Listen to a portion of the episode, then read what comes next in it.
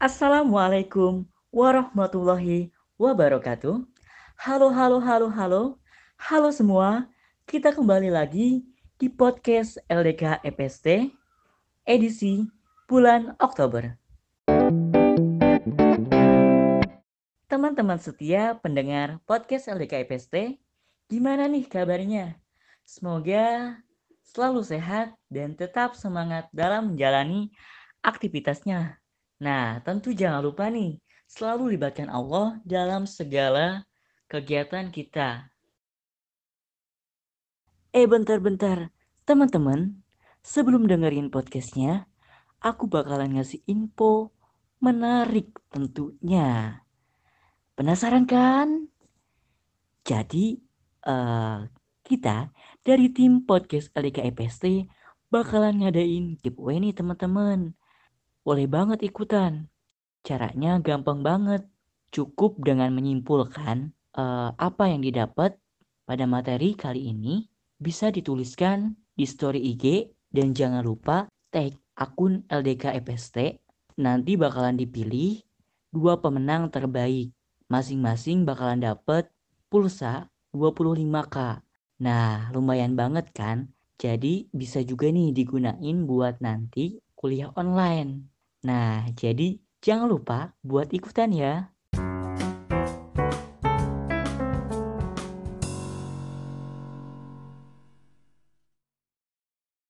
Podcast kali ini tentu seperti biasa. Aku nggak hanya sendiri, pasti ditemenin sama pemateri yang insya Allah bakalan ngasih materi pada podcast kali ini. Nah, pematerinya ini adalah Bang Lukman yang Masya Allah sih keren banget dan luar biasa banget tentunya. Nah, pembahasan materinya ini mengenai pemuda dan kejayaan Islam. Wah, keren banget tuh pasti temanya. Dan kita bertanya-tanya gitu, kayak gimana gitu. Nah, biar eh, nggak uh, makin penasaran, kita bisa langsung dengerin aja materinya mengenai pemuda dan kejayaan Islam, sekali juga bisa kenalan nih sama pematerinya.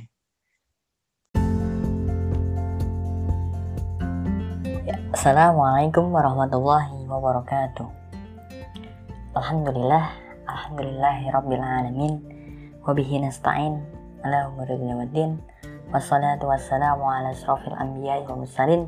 Wa ala alihi Wa man ihtada bihatihi illa yaumiddin Qala rabbi srahli Sadri Wa yasirli amri Wahlul uhdatan min yafkahu qawli. Amma ba'd puja dan puji syukur kehadirat Allah Subhanahu wa taala atas segala nikmat yang Allah telah berikan kepada kita berupa nikmat iman, nikmat Islam, nikmat sehat walafiat, nikmat kesempatan, nikmat dan banyak nikmat-nikmat lainnya yang Allah telah berikan. Tidak bisa kita hitung banyaknya nikmat yang Allah telah berikan kepada kita. Salawat salam tidak lupa kita haturkan kepada junjungan kita, suri tauladan kita yang tidak lain yang tidak bukan yaitu baginda Nabi besar Muhammad Sallallahu Alaihi Wasallam. Kepada para keluarganya, sahabatnya, umat-umat yang terdahulu. Dan insya Allah eh, akan sampai kepada kita umat yang masa kini.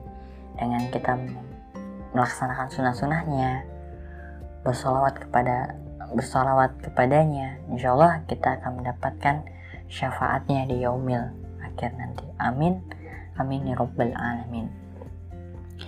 Ya, sebelum lanjut, alangkah baiknya uh, saya memperkenalkan diri ya. Karena ada pepatah, tak kenal maka tak haru. Ya, nggak kenal ya, kita kenalan gitu. Ya, uh, izinkan saya memperkenalkan diri. Nama saya Lukman Hakim. Di sini saya uh, diberi amanah menjadi uh, ketua LDK FST pada periode ini. Dan selain itu, saya juga memiliki amanah uh, di himpunan saya. Ya, saya uh, dari himpunan uh, matematika, dan di sana saya mendapatkan amanah sebagai anggota dari departemen interpolasi. Alhamdulillah. Selain itu, kesibukan saya saat ini yang pertama yang tentunya kuliah ya. Mungkin ini sama dengan teman-teman semua di tengah pandemi ini kuliah pun makin padat, rayap gitu. Tugas-tugasnya makin wah banyak lah pokoknya. Eh, selain kuliah, kita juga sebagai anggota organisasi ya tentunya uh, ada beberapa kegiatan dari organisasi yang harus kita ikuti. Selain itu, saya juga uh, mengajar. Alhamdulillah. Ya, perkenalan sudah.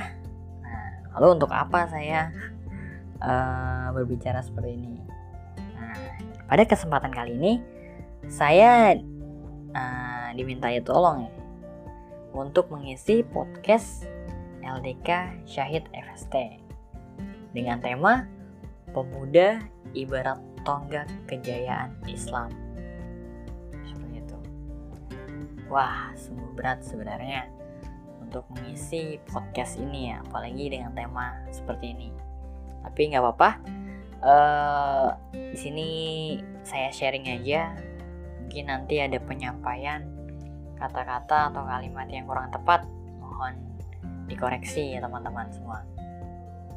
Ya, sebelum masuk nah, kita harus tahu ya definisi pemuda itu ya teman-teman. Ya mungkin kita tahu pemuda itu adalah jenjang di mana pergantian dari masa apa remaja ke dewasa ya. Nah di situlah pemuda. Pemuda, nah di sini saya punya definisi tersendiri. Saya ada definisi tersendiri ya bukan dari saya sih ya. Saya mengutip gitu ya. Yaitu pemuda adalah aset terpenting dalam sebuah negara, bangsa, dan agama. Pemuda merupakan satu set, nah, satu set di sini yang sangat mahal dalam hal kehidupan. Selain memiliki kemampuan berpikir secara kritis dan progresif, pemuda menjadi harapan masa depan. Pemuda akan menjadi pemegang estafet pemimpin negeri ini di masa depan. Ya, seperti itu. Yang ada pepatah Arab yang mengatakan Syubbanul yaum rijalul god. Pemuda hari ini yaitu pemimpin esok hari. Nah, seperti itulah pemuda. Memiliki beban yang cukup berat gitu. Nah, nah sekarang kita ambil contoh pemuda-pemuda pada masa lalu. Yang pertama yaitu pemuda Islam. Pemuda yang kita semua kenal gitu yaitu Sultan Muhammad Al-Fatih. Di mana Sultan Muhammad Al-Fatih ini telah diangkat menjadi sultan pada umurnya yang ke-12 tahun di dinasti Turki Utsmani. Wah, Masya Allah. Pada umur 12 tahun, uh, Sultan Muhammad Al-Fatih telah menjadi sultan ya. Kita di umur 12 tahun masih ngapain gitu? Ya kan? Wah, belum kebayang ya kan. Lalu di usianya yang ke-21 tahun, eh, Sultan Muhammad Al-Fatih telah berhasil menaklukkan Konstantinopel. Wah, ini suatu prestasi yang sangat luar biasa untuk seorang pemuda ya. Apakah kita bisa seperti itu? Ya, kita kembalikan ke diri kita masing-masing ya teman-teman. Selanjutnya, kita ke Indonesia. Bagaimana pemuda menjadi sejarah dari bangsa Indonesia. Ada banyak peristiwa yang melibatkan pemuda sebagai pemeran utama yang kemudian menjadi catatan terpenting dalam sejarah bangsa. Dalam sejarah berdirinya bangsa Indonesia pada tanggal 27 sampai 28 Oktober 1928 di Batavia yang saat ini bernama Jakarta. Diselenggarakan Kongres Pemuda. Dalam kegiatan tersebut lahirlah sebuah ikrar yang kemudian disebut Sumpah Pemuda.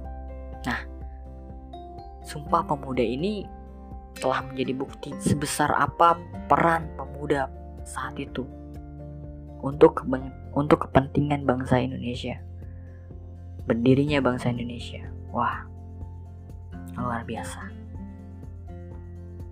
Lalu baik lagi pertanyaannya, bagaimana dengan kita? Bagaimana dengan kita? Bagaimana saat ini kondisi pemuda saat ini? Apakah sama seperti masa lalu? Apakah sama seperti sejarah-sejarah bangsa Indonesia? Lalu bagaimana dengan kita? Kita harus jadi kita harus belajar. Kita harus belajar dari masa lalu. Kita harus belajar dari pengalaman banyak orang, banyak tokoh-tokoh di luar sana, baik itu dari tokoh Islam ataupun tokoh nasional yang dapat motivasi kita untuk menjadi pemuda yang tangguh seperti mereka. Pemuda memang disiapkan untuk jadi pemimpin di masa depan. Ya, tadi telah kita sebutkan di awal ya. Minimal kita pemuda akan memimpin satu lingkup kecil dari negara ini, yaitu keluarga. Wah, siapa yang tidak mau berkeluarga? Ya, semua tentunya ingin berkeluarga.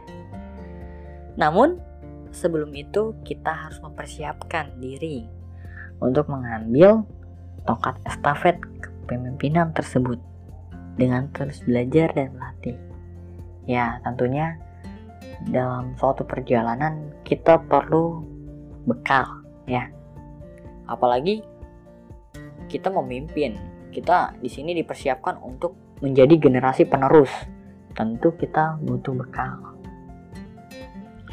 apa sih bekalnya ya apa yang harus pemuda punya. Apa yang harus kita punya untuk menjadi pemuda yang bisa membawa kejayaan? Yang pertama kita harus menjadi generasi yang jujur yang sidik bagaimana generasi yang jujur itu yang sidik itu? Yaitu generasi yang berani mengatakan mana yang benar. Benar itu benar, dan salah itu salah, bukan sebaliknya. Dia mengatakan benar itu salah, dan salah itu benar. Nah, mungkin pada saat ini kita banyak menemui hal-hal seperti itu. Sudah jarang kita menemui pemuda-pemuda yang mengatakan jujur ya itu poin pertama. Dan poin yang kedua yaitu syuhada. Apa yang disebut syuhada? Yaitu orang-orang yang hidupnya rela di jalan Allah. Yang rela mengorbankan waktunya tenaganya bahkan hartanya untuk di jalan Allah. Wah itu pun sangat sulit sekarang ditemukan pada saat ini.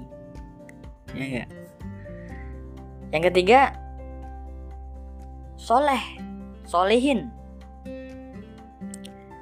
Apa yang disebut soleh? Yaitu dia yang tidak sombong atas pangkatnya, jabatannya yang dia miliki.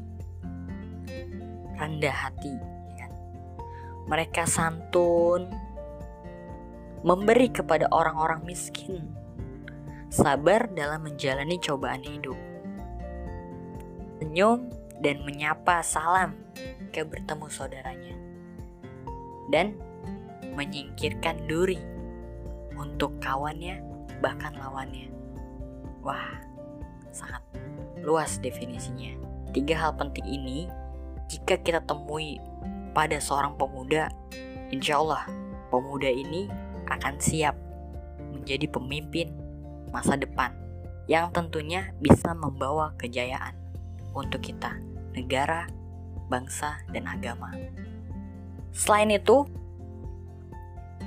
pemuda juga harus memiliki ilmu.